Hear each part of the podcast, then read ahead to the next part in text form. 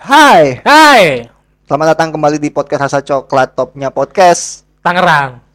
Enggak semangat ya? Nggak semangat banget sih. Kenapa? Enggak apa-apa. Ngomong aja. Joko gitu.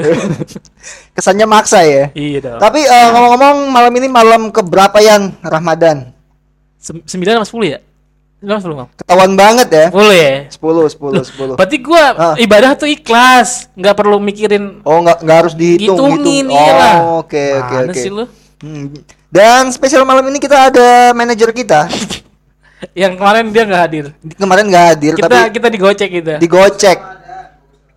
Fokus Ramadan alasannya. Nggak jelas. Asli mendadak dan sampai sekarang kita nggak tahu tuh alasannya apa tuh. Mm-mm, mm-mm.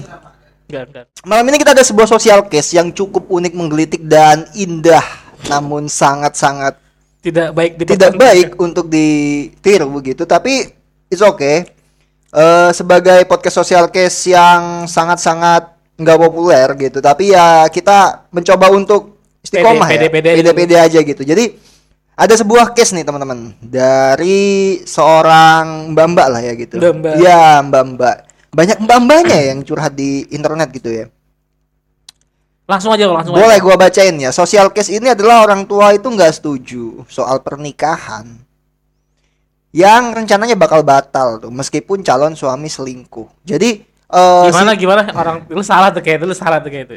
orang tua nggak setuju untuk membatalkan pernikahan Ah, lu bilang begitu. meskipun calon suami selingkuh. Hmm. Jadi calon suami ini selingkuh, Tapi orang tuanya orang tua tetap mau, mau melanjutkan menjalani pernikahan. Wah, ini menarik banget ya. Gue udah sampai gerah. nih. Halo Min, aku wanita 23 tahun. Dua Masih bulan muda. lagi mau menikah dengan calon saya yang 30 tahun. Wow. Gue beda 7 tahun. Iya, beda 7 tahun tuh. Terus Permasalahan dimulai ketika aku mulai menjebak pertanyaan tentang apa yang dia lakukan di belakangku. hmm, Pak lagi nggak ada aja lagi. Menjebak. Sakit hati dicari, aneh bener. Aku bilang aku sudah tahu apa yang dia lakukan di belakangku, tapi sebenarnya aku nggak tahu. Ya kan cuma ini doang dia. Ini bisa nggak sih kita udahin aja gitu? Enggak, enggak, enggak, enggak. Soalnya Lanjut, kita nggak ada lagi, nggak ada lagi. Setelah pembicaraan panjang dan sedikit menutup-nutupi, akhirnya dapat kesimpulan dia enam bulan yang lalu pernah mengajak perempuan untuk check-in di hotel. Check in. Check-in di hotel. Oke. Saya kenal dengan siapa perempuan yang diajak check-in dan saya bertanya kepada perempuannya kenapa mau diajak check-in. Wanitanya bilang kalau dia dijanjiin mau dibeliin kado buat ulang tahunnya. Sangat murah. Harga kadonya. Oke. Mereka pergi untuk beli kado, terus alasannya pulangnya udah kemalaman. Akhirnya check-in di hotel sampai pagi. Dan perempuannya juga mengaku kalau dikelonin. Sampai pagi. Bahasa dikelonin anjir anjir. Dikelonin sampai pagi. Aku sakit hati. Jadi aku memutuskan untuk membalas dia dengan menyukai lelaki lain dan cetan setiap hari. Catatan doang. Nggak dikelonin juga. Atau masih satu kosong lu kalah mbak. Dengan harapan supaya dia merasakan sakit hati meskipun nggak sama. Karena aku nggak melakukan check-in juga. Belum setimpal. Tapi setidaknya dia merasakan sakit hati. Oke. Lalu aku bilang ke orang tua dengan mengadukan apa yang dia perbuat selama ini. Tapi dia juga mengadukanku ke orang tuaku. Hmm. Kalau aku menyukai lelaki lain. Orang tuaku malah membela dia yang jelas-jelas udah check-in dengan wanita lain dan malah mempermalukan aku di hadapan keluarga calonku dengan mengatakan semua kelakuanku yang 50% ada tidak benarnya. Ya. Hmm. Karena aku membela diri, maka bapak bilang aku jangan bantah. Aku minta untuk membatalkan pernikahan, tapi bapak malah kena serangan jantung. Oh, I'm so sorry to hear that. Jadi aku refleks bilang iya pak, aku mau dinikahin gitu. Setelah tenangan tenangin diri, ternyata aku tidak bisa menerima apa yang dilakukan calon suamiku, tapi harus tetap menikahinya karena orang tuaku mau aku menikahinya. Panjang. Anjing. Aku bingung Min harus bagaimana di si di satu sisi bapakku mendadak punya serangan jantung di sisi lain aku nggak bisa nikah nih sama cowok yang udah ngelonin wanita lain gitu saat udah bertunangan denganku. Kan udah tunangan tuh dia. Tambah lagi Min, dia juga sering PC cewek-cewek di Instagram nih. Aneh. cowok-cowok nih hati-hati gitu. Bukan cuma satu cewek aja. Aku sakit hati Min dan perlu diketahui juga suamiku ini orangnya baik di depanku, di depan keluargaku. Tak satu pun keinginanku yang terlewatkan dan dia juga sabar, tidak mau kehilanganku. Meskipun aku nggak tahu ini akan berlanjut sampai nanti menikah atau enggak, tapi dia pernah mengatakan kejelekannya kepadaku, juga terlihat orang baik-baik. Aku tuh pengen nanya gimana caranya, cara tahu keburukan laki-laki itu gimana biar aku bisa menjalannya tanpa ada kepura-puraan lagi. Sulit nih. Tambahan lagi, kalau aku lihat dia yang ada di pikiranku cuma dia klonan sama perempuan itu aja min, nggak bisa hilang. Minta solusinya. Tambahan lagi, ada tambahan lagi, ada tambahan sabar sabar. Update terbaru calonku keluar check in dengan wanita itu tiga kali, kak. Terus beberapa kali main bareng. Oke, ini buktinya di lini masa map, aku cek segala macam. Sekarang aku harus bagaimana ya? Setelah dia jujur semuanya, kalau aku tidak lanjut takut jantung bapak kumat lagi. Karena waktu bapak tahu kemarin langsung serangan jantung.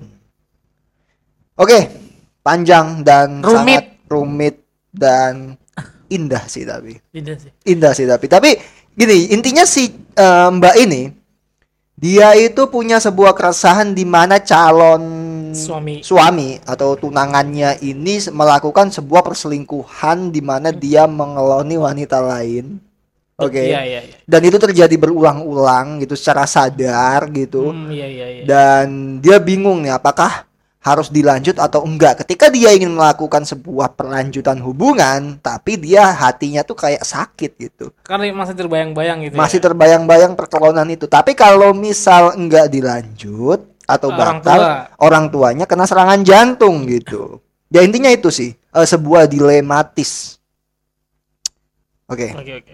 dari lu dulu deh tanggapan lu mengenai kasus ini gimana secara ini ya garis besarnya gitu menurut lu hal-hal kayak gini tuh gimana gitu To be honest ya, to be honest, gokil. to be honest Sejujurnya nih belum pernah Oke. ngalamin eh, keadaan yang seperti itu ya. Mm-mm. Kalau dilihat dari masalahnya sih rada berat ini.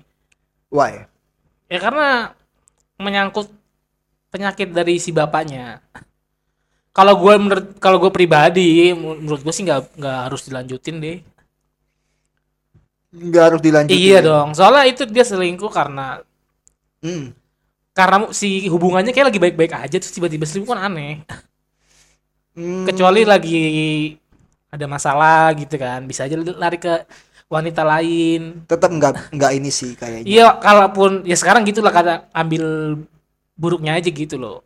Oh Maksudnya dia tuh selingkuh dengan keadaan sadar, terus ah hubungannya dengan wanitanya yang resmi aja lagi baik-baik aja gitu. Maksud gue yang dia baik-baik aja bisa selingkuh, apalagi nanti ketika ada masalah. hmm. Ngerti nggak maksud gue sih? iya iya iya paham paham paham, kan? paham paham paham Ini sih menurut kalau gue pribadi ya, Ah. ini kayaknya udah eh nggak harus dilanjutin sih. nggak harus dilanjutin Iya. Kalau lu pribadi, lu setuju tuh dengan kelonan-kelonan gitu? Setuju sih kalau menurut gue lu ya. Lu tuh orangnya nggak di tipe yang cowoknya itu tuh kalau lu. Loh, kok minum sih? Eh, sudut pandang gua di problem ini itu harusnya yang pertama ya, harusnya yang pertama mbaknya bisa coba untuk alihin fokus Ke ke bokap lu dulu deh mbak gitu. hmm, kesembuhan bokapnya ya. Iya, menurut gua menikah itu bisa diundur, tapi kematian nggak bisa cuy. Serius serius. Maksud gua sebuah problem yang lebih tinggi dari permasalahan hubungan lu itu ada di bokap lu. Cobalah mbaknya untuk fokus dulu berobat eh bokapnya yang kena serangan jantung, kemoterapi atau apa pun itu gua nggak tahu secara medis. Cuman gue berharap ya semoga bokap mbaknya ini sembuh, sehat walafiat baik-baik aja. Kalau si bokap udah sembuh, baru ke poin yang kedua. Gue mohon banget untuk eh, concern ke kesembuhan bokap dulu deh gitu. Tuh. Itu yang pertama. Nah, terus kalau udah clear, Baru yang kedua nih, soal perselingkuhan. Hmm. Terus terusin dong. Iya. Soal yang perselingkuhan. Jadi gini. Memang kita masih memegang prinsip itu Yan ya. Apa pun Apa pun kesalahan itu bisa dimaafkan kecuali kecuali perselingkuhan. lo kok bisa? Tapi tetap sih menurut gua perselingkuhan itu adalah hal yang paling sulit lah untuk dimaafkan gitu. Hmm. Apalagi Sulit ya, bukannya nggak bisa ya, sulit. iya sulit. Nah, karena sulit itu kebanyakan nyerah gitu. Ada beberapa orang yang nyerah. Ibarat kita ngerjain esai matematika deh gitu. Daripada kita pusing ya udah skip aja Hmm. gitu. Nomor 4 ah nggak tahu, udah amat gitu. Ya, ya, ya. Itu sih kalau untuk perselingkuhan. Nah, ini buat eh, mbaknya yang punya mas-mas yang hobinya kelon sama wanita lain gitu. Masuk akal memang mas ini. eh ini sulit sih mbak ya buat eh apa ya jangka panjangnya gitu Iya betul. betul. menurut gua jadi bedain ya antara eh, mas-mas yang suka kelon sama mas-mas yang suka kelon sama wanita lain itu beda. Gi- Gimana, gimana, gimana, coba, coba. mas-mas yang suka kelon Ah, sama mas-mas yang suka kelon sama wanita lain tuh beda. Bedanya? Bedanya ya dia selingkuh yang satunya gitu. Satunya? Satunya enggak. Bayar putus. susah ya jelasinnya ya. Susah, kayak susah ngejelasinnya. Nanti pun kalaupun lu jadi ya, Iya, dia nikah. Mm-mm. Ketika si laki itu punya kesalahan sedikit, lu mikirnya pasti flashback. nah gitu Dan lu punya kekhawatiran yang tinggi pasti, trust issue. trust isu itu itu emang kacau banget sih nyet Betul. itu itu kacau banget Itu tuh. Walaupun jadi, eh, walaupun iya walaupun jadi kayaknya agak sulit. Pasti bakal banyak rintangannya, banyak. Apalagi kan cewek, ya. cewek itu emang sensitif banget. sama perkelonan Ya, mau, mau sama apa pun sih apa pun loh. apa pun Mau dari perkataan kita aja yang Hmm. pikir kita sih kayak bercanda ya. Cuma kalau cewek lagi capek, sensitif tuh bisa Hmm. habis tuh kita. habis tuh Habis tuh contohnya tuh barusan. Hmm, Gitu lah. oke Uh, nah yang balik lagi itu di episode kemarin kan gue pernah jelasin ya Hmm. ini LDR iya kan Oh iya iya. cobalah untuk respect gitu nah ketika lu respect sama pasangan lu menurut gua hal-hal kayak perselingkuhan tuh nggak bakal terjadi nah di situlah yang gue bilang Benar. kenapa respect itu lebih tinggi dari komunikasi karena pondasinya itu respect dulu Saling menghargai itu. Nah, ketika lu ingin mengeloni wanita lain gitu, tapi lu ngerasa respect sama pasangan lu, menurut gua hal itu nggak bakal terjadi. Betul, apalagi kayak si ceweknya itu udah baik banget ya, apalagi udah udah mau udah mau nikah Hmm. Udah terus- tunangan, Nyet. udah tunangan Udah terus tunangan, udah eh, saling kenal lah keluarga. Harusnya dia mikirnya tapi susah ya kok kalau orang-orang mau berbuat jahat tuh jarang mikir ke situ sih. Mungkin si lakinya cuma emang dia rada eh, brutal kali dalam percintaan. Nggak pernah dikasih kali sama yang mbaknya ini jadi dia akan nyoba ke yang lain gitu. Masuk akal gak sih? Traveling gua anjay. Lo bisa jadi dong Iya, iya, iya. Jadi eh, kon- konklusinya adalah ini nggak nggak oke nih gitu untuk untuk dilanjutin gitu. enggak sih enggak sih menurut gua enggak nggak oke, nggak worth it banget gitu ya. mbaknya sih orang baik Ya, Iya dong, kalau misalkan dia nggak baik dia cuma mungkin dia akan melakukan hal yang sama ya. Stres mikirin lakinya gitu. Ya udah gue bahas dendam aja deh. Gue juga kelonan sama laki orang apa laki-laki lain. Hmm. Mungkin dia nggak di tahap itu. nggak di tahap itu. Iya. Ya itulah mungkin yang orang bilang Mm. jodoh cerminan gitu. Mungkin bisa jadi tuh si cowok tuh jodohnya sama yang yang kelonan itu tuh. Oh iya iya bisa aja, Bisa kok, bisa aja. bisa. Ya jodoh kan kita nggak nggak nggak tahu, maksudnya nggak ketebak gitu. Kayak penalti. Hmm. Oh, Tiba-tiba. tiba-tiba. Chattingan masih berapa seminggu tiba-tiba udah nikah kan ada kayak gitu. Ada ada ada ada. Ada, udah. Ada yang baru assalamualaikum apa numpang nedu hujan gitu, numpang nedu doang hujan gitu. Eh nikah yuk gitu. Tolol itu apa namanya? Ada ya, Mana ada orang kayak gitu anjing. ada kali Maksud, aduh, Eh, dari 7 miliar orang loh yang ada di dunia ini gua gue yakin pasti ada gitu hal mungkin ya kecil ya Iya, nedu hujan itu nikah. nikah. Iya. Aduh aneh banget sih. Iya, siapa eh, nggak nggak tahu namanya jodoh kan nggak ada yang tahu ya Iya, gitu iya, kayak iya, iya. lu di KRL bareng gitu ya kan kesandung gitu Masalah.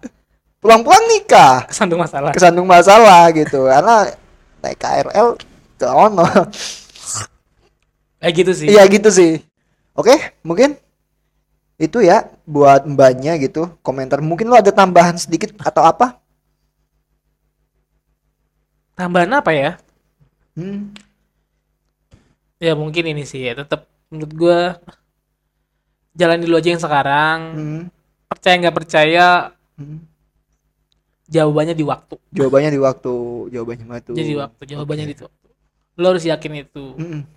Gitu aja sih. gitu aja sih mbak mungkin terus eh yang terakhir deh pokoknya eh, gua ulangin lagi gitu semoga buat orang tua mbaknya khususnya di bokap ya yang kena Hmm, serangan iya. jantung semoga cepat pulih cepat Betul. sehat dan eh, mbaknya nggak bakal kepikiran lagi di situ gitu semoga semuanya nggak cuma di bokap juga keluarga buat mbaknya mbaknya juga semoga sehat di umur 23 itu juga jaga kesehatan mbak jangan sampai mbaknya yang stres nanti malah Benar-benar. ikut jatuh sakit juga karena mengingat umur-umur segitu tuh ya apa ya bisa dibilang eh, masa muda yang penuh tekanannya. Betul, betul. Gua gua gua paham umur-umur 20 sampai 25 ini kita memang lagi bener-bener Oh, ba- 25 ya? Sorry gue udah lewat.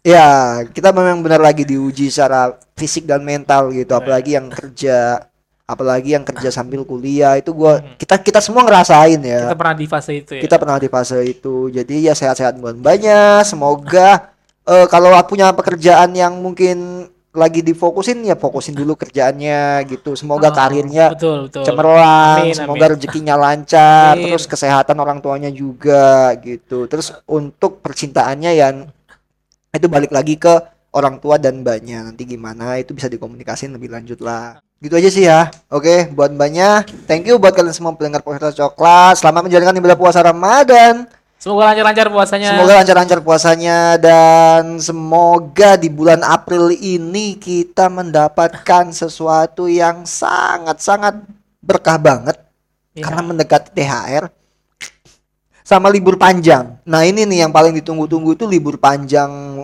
Lebaran. Idul Fitri. Mm-mm, buat yang perantauan bisa pulang, Betul. buat yang punya kampung nih, bukan perantauan tapi punya kampung. Oh, iya. Ya kan ada kan yang Ada, kayak ada. ya kayak lu kan contohnya gitu. Lu bisa pulang ke Jawa Timur, ketemu sanak family di sono. Eh happy lah pokoknya ini. Tapi April. rencana nggak pulang.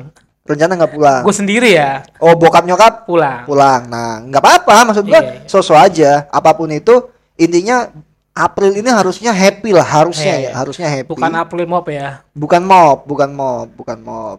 Oke, thank you buat kalian semua. Sampai jumpa di minggu depan. See you. See you.